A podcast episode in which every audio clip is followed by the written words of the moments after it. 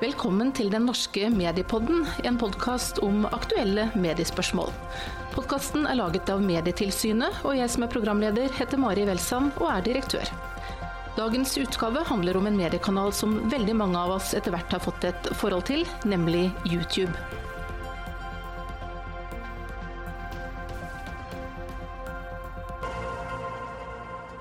I dag skal vi altså snakke om YouTube, den store videodelingsplattformen som for mange er stedet både for å konsumere andres innhold og for å distribuere innhold de selv har laget. Daglig publiseres enorme mengder videoer på YouTube, og vi har tilgang både på innhold fra alle verdenshjørner og om alle tenkelige og utenkelige temaer, av både redaksjonell og kommersiell art, og av og til eh, innhold også som blandes litt om hverandre. Og det er noe av det vi straks skal snakke mer om. Og til å gjøre det, så har jeg med meg Ivar Sten Johnsen, fagdirektør i medie- og YouTube-selskapet Nordic Screens, YouTuber Kim Køste og rådgiver hos oss i Medietilsynet Lars Erik Kroksrud. Og Ivar, aller først til deg. Hvor lenge har vi egentlig hatt YouTube, og hvordan startet det hele? Eh, det startet jo i eh, USA med to kamerater på et studie som da syntes det manglet et opplegg for å laste opp video på nettet, sånn at man lett kunne sende det til andre. De laget et system, programmerte et system, og eh, gikk ut i en dyrehavet i San Diego Zoo. Og så filmet de en kort, liten snutt som de lastet opp på YouTube. Og jeg mener det var i, 19, nei, det var i 2005. Og da eh, var det hele i gang? Da var det hele i gang, og det skjedde Det var en eksplosiv vekst i et eh, par-tre år der. Og etter ganske kort tid så kom Google og sa banket på døren og, og ga dem en rimelig høy sum, og så ble det selskapet kjøpt opp. Kim, du er 28 eh, år og driver YouTube-kanalen Kim Køste, der du bl.a. legger ut reisevideoer. Og hva var det som fikk deg til å begynne med dette? Oh, i, tilbake i 2014 så eh, hadde jeg liksom prøvd veldig mye rart innenfor, uh, innenfor alt mulig kreativt. Jeg skulle jo bl.a. bli musikkprodusent. Og så gikk ikke det helt veien, da. Det er vanskelig å få til det, få til det i Norge. Og så var det noen som tipset meg om, om YouTube, og at jeg egentlig kunne, jeg kunne legge ut hva jeg ville der. Og tipset meg samtidig også om, om Nordic Screens. da Eh, og så fort laget jeg min egen konto, ble med på mitt første produksjonsmøte hos Nordic Screens, og da var jeg forelska. Da var jeg solgt. Så ja, siden den gang har det bare tikket og gått, det. Hva var det som eh, fascinerte deg så med YouTube? Det var, jo det, det var jo det, der at man hadde 100% kontroll selv. Og så var det det der også eh, Nå skal jeg passe meg her, men hvor enkelt det var å nå ut til mange. da fordi selv om YouTube globalt hadde eksistert lenge, i, eller en stund, i 2014, så var det fortsatt ganske nytt i Norge. Da. Og det var ikke så mye som skulle til for å nå ut til, til serie i Norge. Fordi da var man en av ikke så veldig mange. Så jeg tror, ja. Mm. YouTube er jo enormt populært. Vi skal ta oss tid til eh, noen tall. Det er sånn at 39% av alle nordmenn bruker YouTube daglig. Det er forbruker- og medieundersøkelsen fra Kantar Media som eh, viser det. Eh, ser vi på de som er mellom 15 og 29 år, så er det hele 69% eller 7 av 10 som er daglige brukere av YouTube, og enda flere faktisk er det blant de helt unge. Vi i Medietilsynet gjør jo en stor undersøkelse om barn og unges mediebruk hvert annet år, og den siste undersøkelsen vi gjorde i 2018 viser at 77% av de som er mellom 9 og 18 år er på YouTube daglig. Ivar, hva tror du det er eh, som er grunnen til at eh, så mange er på YouTube? Det tror jeg må være de føler at innholdet på YouTube er autentisk. At det når rett inn til dem. Det er Det kunne vært meg eh, som har laget dette. Og, eh, og, det er i tillegg så er det utenfor på en måte voksenkontrollsonen. For det er mye Gjør det litt barn... ekstra spennende, liksom? Ja, litt ekstra spennende. Det er eh, et område som de voksne ikke kan noe særlig om. Eh, så er det masse som uh, sideeffekter av dette. Det er f.eks. at man får venner uh, Man får jo venner, altså du, kontakter, og mange av de er i utlandet. Du lærer deg å snakke engelsk flytende. Det er masse positivt. Uh, og som Kim sier, du kan jo lære deg å, redigere, men du kan også lære deg å spille spill osv. Så, videre. så det er, det er, ikke den ting du ikke kan lære deg på, på YouTube. Så det er, det er en ganske magisk plattform. Kim, hva tror du? Hvorfor eh, er YouTube så populært? Jeg tenker jo at uh, her får man velge i pose og sekk da, akkurat det man vil ha. Uh, og ikke bare får man velge hvilken type innhold man vil ha, men man får, man får velge sin egen altså den, man, må, man, får velge hvilken programleder som leverer det på best mulig måte også. Uh, og ikke bare det, men du får også til en viss grad i hvert fall følelsen av at du kommuniserer med, med denne programlederen også, da, gjennom dette kommentarfeltet og livestreams og litt sånne ting. ikke sant? Så, og det er noe man ikke har fått til før. da den derre toveiskommunikasjonen, eller i hvert fall følelsen av det. da. Vi snakket jo i gamle dager om interaktiv TV. Når kommer interaktiv TV? Ikke sant? Og interaktiv TV det er jo her nå, ja. og det, er, det, heter YouTube. Mm. Og YouTube tar, eh, det er blitt den globale nye TV-aktøren. Mm. Og Netflix er jo den andre. Uh, mm. Nå sitter jo dere to her eh, naturlig nok og snakker veldig varmt og positivt om uh, YouTube. Lars-Erik Kraksrud, uh, vi i Medietilsynet vi ser jo selvfølgelig de positive sidene. Og så er vi også opptatt av at denne type mediebruk har noen skyggesider. Det er sant. Vi i Medietilsynet er jo også veldig imponert over de flinkeste youtuberne som virkelig klarer å samle så mange lyttere om produktet sitt og om innholdet sitt. Eh, men vi ser jo også at eh, dere som aktører har enormt stor eh, påvirkningskraft med det budskapet dere sender ut, ikke minst overfor barn og unge.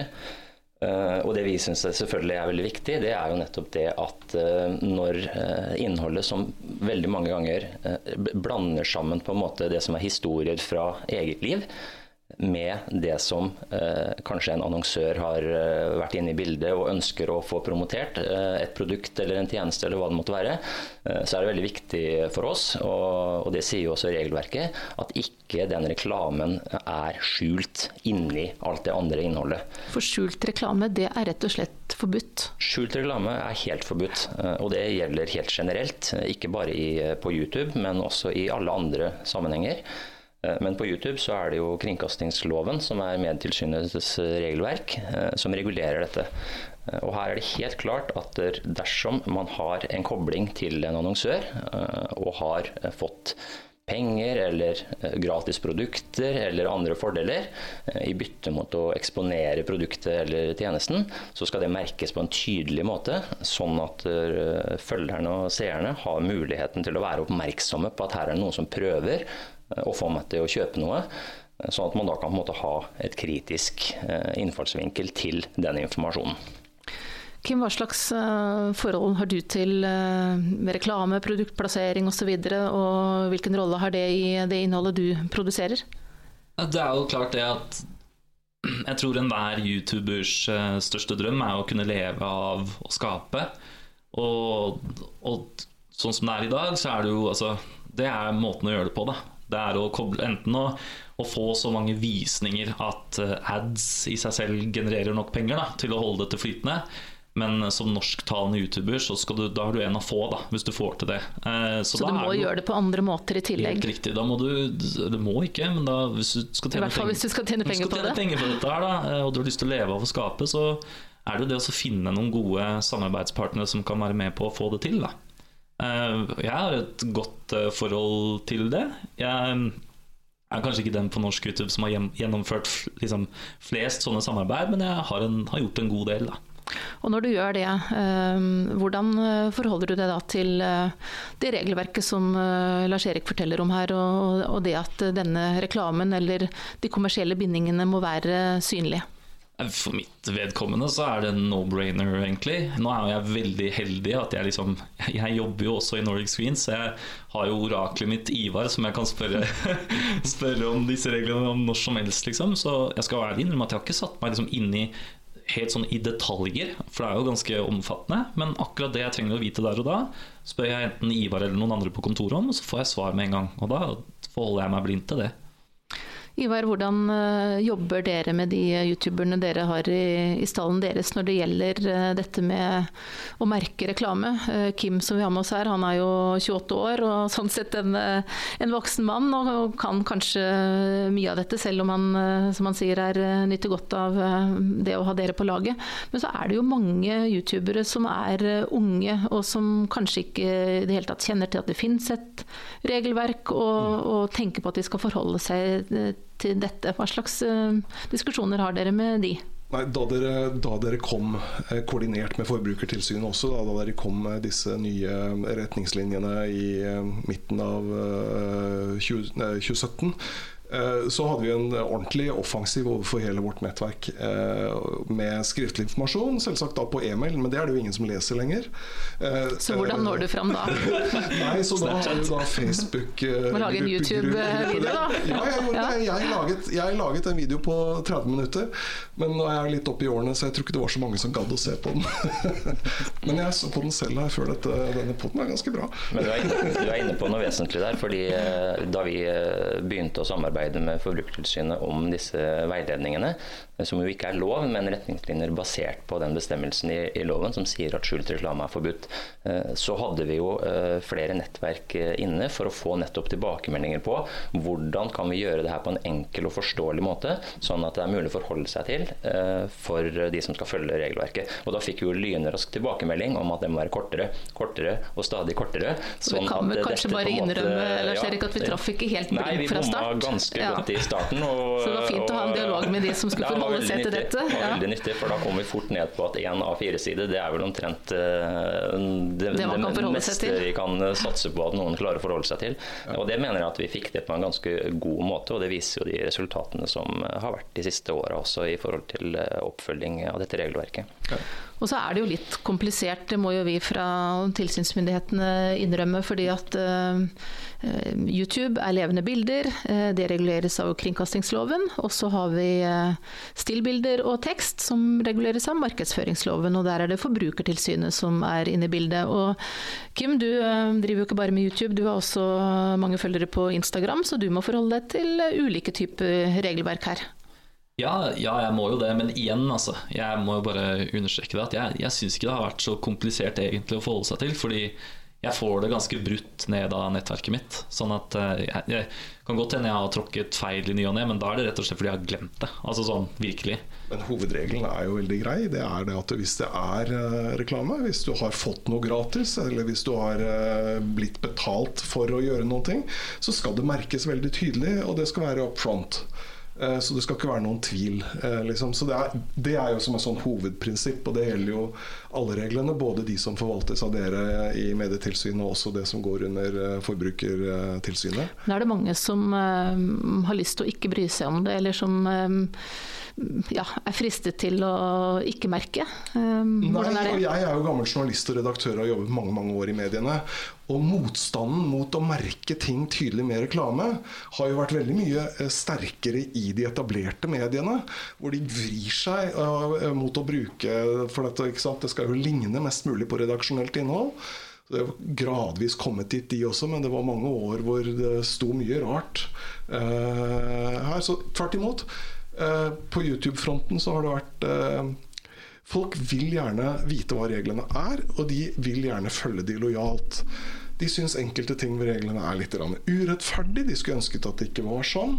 Eh, men det er ikke noe, det er ikke noe De skjønner at de må forholde seg til det, rett og slett, de fleste. Ja, men det går litt sånn på f.eks. det derre Hvis jeg er en YouTuber, jeg har en egen Jeg har utgitt en bok så sier reglene at det skal merkes som reklame når jeg på mine egne sosiale medier eh, sprer informasjon om den boken. Det er et krav som f.eks. Eh, en krim, krimforfatter eh, eller norske etablerte forfattere slipper å forholde seg til. Sånt er urettferdig. Eh, folk syns også det er rart at uh, dette med opplasterlandet at, du, at, faktisk en YouTuber som retter seg ut av Norge og nesten ikke har seere her i landet, skal måtte bruke norske reklameregler på å merke innhold som går til andre land. Sånn syns de er rart. Men, så, men det, her, det, er jo ned i detaljene i, i, reglene. Og det er jo litt som du sier, at eh, dette er jo laget for mange mange år siden, lenge før noen visste hva sosiale medier var. Vi tenker jo det at vår, den måten vi på en måte tolker regelverket på og, og lager veiledere på, er jo på en måte gjort for at de som skal følge det, skal være på den sikre siden. Og så er det som jeg var inne på, at Dette er jo ikke nedfelt i lovtekst, men det er jo det vi som medtilsyn mener er det som er tilstrekkelig for at du skal på en måte holde deg innenfor eh, regelverket. Da tenker du f.eks. på hvordan det skal merkes? Ja, hvordan det skal merkes, eh, f.eks. Eh, og da kan man jo selvfølgelig velge å, utfordre det og liksom kjøre en formell eh, forvaltningsprosess og tilsynssak og sånn på det hvis man mener at det er eh, urimelig. Og så kan man jo for så vidt nå fram på det. Men, men, vår tanke er jo på en måte at hvis man på en måte har kjøreregler som sikrer at man er helt trygg på at man holder seg innenfor regelverket, så, så er det jo på en måte målet. Lars Erik, eh, det er jo ikke så lenge siden YouTube ble definert til å omfatte, eh, omfattes av regelverket. Og da vi eh, fra Medietilsynets side for et par år siden sjekket da, om de største youtuberne merket reklame eller produktplassering, så, så sto det ganske dårlig til. Da var det så godt som ingen som gjorde det. Og det var da at Medietilsynet fant ut at her må vi ta litt grep. Så hva skjedde da? Eh, vi så jo da også si, spede forsøk på å merke, så det var ikke sånn at det var noe bevissthet rundt at reklamen reklame skulle gjemmes bort på noen som helst måte. Eh, men det er jo som du sier, at i 2013 faktisk, så kom dette med sånn videotjenester og sånt inn i kringkastingsregelverket. Og noe tid etter det så satte vi oss ned sammen Forbrukertilsynet for å se hvordan vi på en måte kunne veilede på en god måte, og så fulgte vi opp med tilsyn. Og da er det som du sier, Mari, at det var forsvinnende få videoer som var godt merka i starten. Eh, men så ser vi jo nå at eh, det siste tilsynet som vi gjennomførte rett over sommeren, eh, tidlig i høst, viste at 80 over 80% av de videoene som vi kontrollerte, hadde ikke bare merking, men god og klar og tydelig merking, merking helt i tråd med de retningslinjene og veilederne som vi har utarbeida. Eh, og det tenker jo vi for en stor del skyldes det gode og tette samarbeidet som vi har hatt både med dere og med andre nettverk, og at vi har fulgt opp uh, influensere eller påvirkere også enkeltvis håper å si fra, fra, person til person, og lagt mye ressurser i det veiledningsarbeidet. Så her er vi definitivt på riktig vei? Her er vi på riktig vei, helt klart. Mange youtubere retter seg jo inn mot eh, ganske unge målgrupper, og barn og unge vet vi er lett påvirkelige, samtidig som de ennå ikke har utviklet sin dømmekraft fullt ut. Alle veit at YouTube er foreldrenes favorittbarnevakt. To timer skjermtid om dagen er to smoothe timer for fete triks og kult stæsj! Hvorfor tror du barn roper fidget spinner i søvne og ønsker seg piloff-maske til jul? Hæ? Dette var fra en kampanje som vi i Medietilsynet har kjørt for å få foreldre til å snakke med barna sine om hva de ser, bl.a. på YouTube. Og Kim, er det sånn det er? Um, jeg skal, skal ærlig innrømme at jeg, jeg, reagerte litt, eh, jeg litt på den videoen, faktisk. Jeg vurderte å dele den. og og skrive litt sånn Ja, er det sånn på en måte vi blir oppfattet? At vi sitter og pusher uhorvelig mange produkter og ikke bryr oss om å merke, på en måte? Fordi det, Jeg syns ikke det er sånn. Verken at vi ikke velger å merke, eller at majoriteten av norske youtubere lager sånn type innhold. For det gjør de jo ikke. Jeg føler at den type innhold som har blitt produsert der, tilhører YouTube for kanskje to-tre år siden. Og det var liksom sånn det var. Eh, mens nå blir det proffere og proffere, da, som Ivar eh, sa i stad ikke så veldig igjen i det, men jeg skjønner det er et reklamevirkemiddel. Satt litt på spissen for å få foreldre til å snakke med ungene sine. Ja. Men, men, eh, nei, det, det, er ikke sånn eh, Det er ikke i nærheten av det hvordan YouTube er eller fungerer. Det er tvert imot eh, ansvarlige folk. Kanskje noen firmaer, det snakket vi ikke om, men noen firmaer som pusher litt for hardt. De burde få seg en liten skrape. Det er et godt poeng. Mm. Men, men ellers så er ikke det så veldig i nærheten av hvordan det er. Vi som uh, fører tilsyn og ser en haug med videoer, kan uh, egentlig også bekrefte det. Også, så. Ja, godt å høre. Pust rolig. En kanal som YouTube gjør jo at uh, hvem som helst egentlig på en enkel måte kan nå ut til mange med sitt innhold. Du var jo litt inne på det, Kim, og det er i utgangspunktet en, en, god ting. Men så følger du også et stort ansvar med det. Og når man som deg, Kim, når ut til tusenvis av seere, du har 20 000 følgere på YouTube hva tenker du om de forpliktelsene som eh, følger med det? Oh, det er tungt, tungt spørsmål. Um, jeg, altså, jeg, kanskje jeg skiller meg litt fra den normale youtuberen der. Fordi jeg har, har vel egentlig helt siden jeg starta vært ganske tydelig på at jeg ønsker å treffe eldre. Um, det har jo, jeg tror Kantar de også hadde noe tall på at er vel sånn at den gjennomsnittlige unge, unge gutten og jenta, når de fyller 15, så forlater de norsk YouTube fordi de føler at innholdet er eh, for, for barnevennlig, da, på en måte. Og der har jeg lyst til å være litt sånn et lite motsvar til det, å vise at det finnes innhold for de 15 pluss også. Eller kanskje til og med 18 pluss. Eh, når det da er sagt, da, så, så føler jeg at selvfølgelig jeg har, et, jeg har et ansvar, men når jeg da har vært så klinkende klar på at det er den målgruppen jeg ønsker å treffe, og kommuniserer det i alle mine flater, så, så føler jeg at da de som ser på meg, da bør de være gamle nok til å skjønne sjæl hva som er innafor og ikke, da. Eh, hvis man kan si det på den måten. Så vet jeg jo selvfølgelig at det er, eh, er en del yngre som, som, fortsatt er inne og ser. Det, kan, det kommer man jo ikke vekk ifra.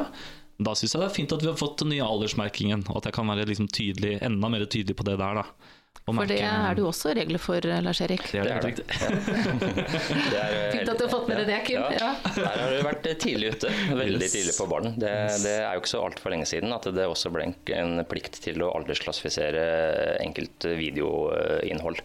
Eh, og Det er jo opp til aktørene selv å sørge for den eh, klassifiseringa etter retningslinjer som er gitt av oss i Medietilsynet. Så Der har vi også drevet opplæringsarbeid overfor eh, nettverkene. Mm. Og Det er jo for at det skal være enklere for folk å forholde seg til og vite da at dette er et innhold som er beregnet for den og den aldersgruppen. Ja. Mm -hmm. Din målgruppe er jo, som du var inne på da, som du sier selv, i hvert fall, Kim, først og fremst voksne. Men uh, vi vet jo at mange youtubere eller påvirkere eller influensere, uh, kjært barn av mange navn, retter seg inn mot ganske unge målgrupper. Uh, og det kan kanskje for mange fortone seg som en kakafoni av budskap og um, eget innhold og kommersielt innhold og ja, hvordan skal eh, foreldre eh, kanskje forholde seg til eh, det, tenker du Lars Erik? Vi tenker jo litt sånn veiledning der òg, vi da. Det handler noe om å bevisstgjøre foreldrene også. Og det handler noe om at foreldrene også kanskje bør ta seg tid til å kikke litt nærmere på det innholdet som barna konsumerer på YouTube og på andre plattformer. Uh, og ikke minst sånn i forhold til det temaet vi, vi snakker om nå med skjult reklame. Da, uh, kunne være med å bevisstgjøre uh, barna litt på hva innebærer det egentlig at et innhold er betalt. hva har det egentlig å si for måten vi skal forholde oss til innholdet på, i forhold til når man sier sin egen mening uten at det er noen kommersielle interesser inne i bildet. Um, og Der tror jeg foreldrene har en viktig eh, rolle i forhold til å bevisstgjøre barna på det. For man blir utsatt for kommersielt press på ganske mange arenaer eh, for tiden. Jeg tror Det der er veldig viktig. Altså at foreldre skjønner at de må følge med på hva barna gjør på, på YouTube og på, på andre sosiale medier også. TikTok er jo en kjempestor en nå. Og Eh, men ikke bare for å liksom, ha et kritisk blikk på det og si du skal ikke gjøre sånn og skal ikke gjøre sånn, men rett og slett for å sette seg inn i det underholdnings- og informasjonsuniverset som påvirker barna i timevis hver dag. Og det vet jo vi fra våre undersøkelser også, at uh, barn og unge generelt føler at foreldrene bryr seg for lite om det de holder på med digitalt. Uh, de sier at ja, de står på sidelinjen og heier på fotballkampen eller er på teaterforestillinger, men de spør ikke så mye om hva vi driver med på nett. Foreldre er mer opptatt av hvor mye tid vi bruker. Det sier barn og unge til oss. og det da sier jo vi litt som du sier her, Ivar, at det er utrolig viktig at foreldrene er engasjert og setter seg mm. ned og følger med og diskuterer og tar del i barnas eh, digitale hverdag. Men ta, ta, del i glede, altså den positive ikke siden ved det også. Det handler ikke bare om det som er skummelt, men eh, selvfølgelig det også, i tillegg til det som er bra. Ja. Så, er det litt, så må jeg si bare den er, Det er litt morsom den der relasjonen mellom eh, påvirkerne og, og følgerne. Eh, da vi hadde kjørt ut dette veiledningsopplegget for merking av reklame, eh, så var det ikke lenge før eh, kommentarfeltene begynte å dukke opp oppdragere blant følgerne hos en del youtubere som fortalte liksom husk at det er nye regler for merking. Husk at du må merke. Og så kommer svaret ja, jeg har merket i infofeltet. Nei, jeg tror faktisk du må merke i skjermbildet. Jeg elsker deg og på jord, forresten. For sikkerhets skyld. Det er bra, vet du. bare stjernete holde deg i hjørnet. Mm. Ja, vakkert. Men det illustrerer jo litt av det som er på en måte mm, egenarten til YouTube. Eh, og som Kim var inne på i stad, det tette forholdet mellom, eh, mellom denne eh, kanaleieren, eh, kjendisen, eller kall det hva du vil, liksom, og følgerne. Eh, det, er jo som, det kan sammenlignes med tette, nære vennskap.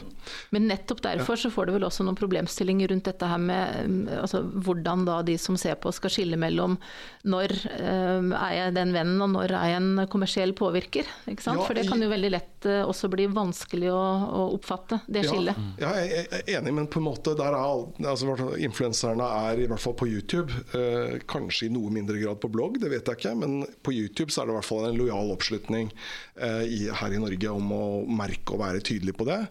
Eh, eh, men jeg tror man skal også være obs på at en influenser kan ikke samarbeide med hvem som helst du må, eh, altså av kommersiell aktør du må som, Selv om det kommer her et forslag om 20 000 kroner eller 50 000 kroner til meg som influenser, så må jeg kjenne om passer dette med med den jeg er.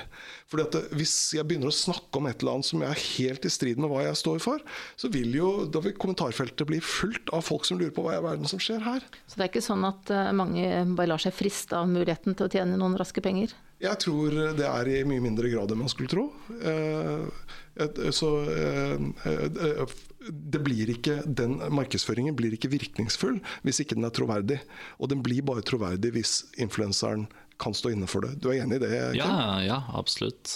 Herlighet. Så det er ikke hvem som helst som kan komme til deg og inngå et kommersielt samarbeid? Nei, det er det ikke. Det beste samarbeidet jeg har gjort, var med Bufdir, faktisk. Um, eh, som var en kampanje for å si, ja, senke terskelen for å si ifra hvis man blir utsatt for, for psykisk og fysisk vold. Da, Ja, for du har jo faktisk eh, publisert en, eh, en video du, der du valgte å være eh, veldig personlig, der du bl.a. fortalte om din vanskelige barndom. ja, det stemmer. Hva var det som gjorde at du valgte å gjøre det? det? Ja. Jeg tror at liksom Det er kanskje som, som Ivar snakker om, da, at i veldig stor grad også selv som påvirker, da, hvis man kan kalle det det, så sitter man selv og kjenner på det forholdet. Man blir glad i disse menneskene som ser på. Eh, Man, jeg husker jo på et tidspunkt så hadde jeg 60 Snapchat-samtaler gående hver, hver kveld, liksom. Eh, Etter at du fortalte Nei, nei, nei, nei, det var bare generelt. Eh, Og da føler man jo at man kommer i en sånn situasjon hvor man føler at å, men jeg vil jo at dere skal bli enda bedre kjent med meg enn det dere er nå. Jeg, nå er vi venner. Nå skal dere få vite alt, da. Og samtidig så har jeg følt veldig lenge med min oppvekst at en dag så har jeg lyst til å, å fortelle denne historien og forhåpentligvis hjelpe, hjelpe de der ute som er i samme situasjon sjøl, eller som har gått gjennom noe av det samme selv. Det føler jeg faktisk at jeg skylder, skylder folk litt da, å gjøre. Og så gjorde du det da som en del av eh, denne kampanjen til uh... Ja, blant annet. da. Jeg hadde laget en, en type video først, som var på eget initiativ, og så spurte Bufdir om jeg kunne gjøre noe lignende, da. Men gjorde du da eh, seeren din oppmerksom på Ja, ja, det ja det innenfor reglene. Eller jeg tror jeg skrev i samarbeid med i stedet for annonse. Så det, Skal stå reklame eller annonse? ja, jeg veit det. jeg vet det.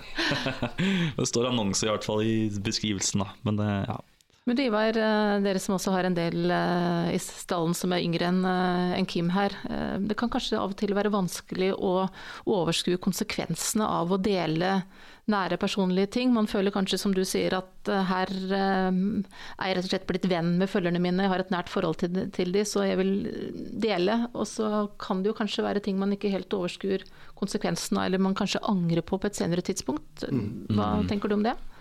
Ja, nettverkene, og, altså, altså YouTube og Facebook-plattformene, mener jeg, eh, har jo aldersgrense på, på 13 år med å kunne tegne og opprette konto. Men når du er 13, så er du jo ikke voksen. Og, eh, og sånn. Men det er jo også det da, at vi befinner Her snakker vi om selvpubliseringsuniverset. Vi er et eh, nettverk som er, vi er en rådgivningsorgan overfor de som har valgt å knytte seg til eh, Eller som vi har valgt å knytte til oss. Eh, men, eh, eh, men vi er jo ikke redaktører. Det er ikke vi som bestemmer, så vi kan lite annet gjøre enn kan gi gode råd, men den vi kan, vi enkelte må ta beslutningen. Råd, vi kan basere de på gode verdier. Min bakgrunn fra, fra mediene, prøve å dra inn mest mulig av det. Men, men vi, jeg, kan ikke, jeg kan ikke si til Kim at det må du ikke gjøre. Det, det må, og de kommer ikke til oss med videoene i forkant, før publisering. Med mindre det er kommersielt samarbeid, da. Men vi, vi er, vi er Hender det du kan etterkant sier at hm, dette burde du kanskje ikke gjort? Ja, man skal være litt forsiktig med det. Man må, det, er, det er vel det å Skal noe tikke inn hos folk, så hjelper det jo ikke å kritisere. Da må du foreslå kanskje gode, nye eh, retninger istedenfor. Sånn er det nesten i oppdragelsen også. Så Eh, men vi er veldig engasjert i Nordic Greens med å, å, å, få til mer ansvarlig norskspråklig innhold på norsk YouTube. Og vi mener egentlig at der burde måte, bedrifter og eh, myndigheter og stiftelser og alt som er, eh, bli med oss i det initiativet. Fordi, fordi ja, den dammen er veldig stor med innhold. Men det viser seg jo også at barn vil gjerne, og ungdom de vil gjerne ha kvalitet. Så hvis de får norsk innhold som er kvalitet, som er gøy å se på, og som kanskje forteller noe om uh, samfunnet vårt, så, det, så, så blir det vellykka. Kim Gøste, uh, hva er ditt uh, beste råd til unge som har lyst til å bli kjente influensere med masse følgere? Oh, eh, først, først, av alt, ikke gjør det pga. det. ikke gjør det med det som motivasjon. Hva bør være den viktigste motivasjonen for å gå i gang?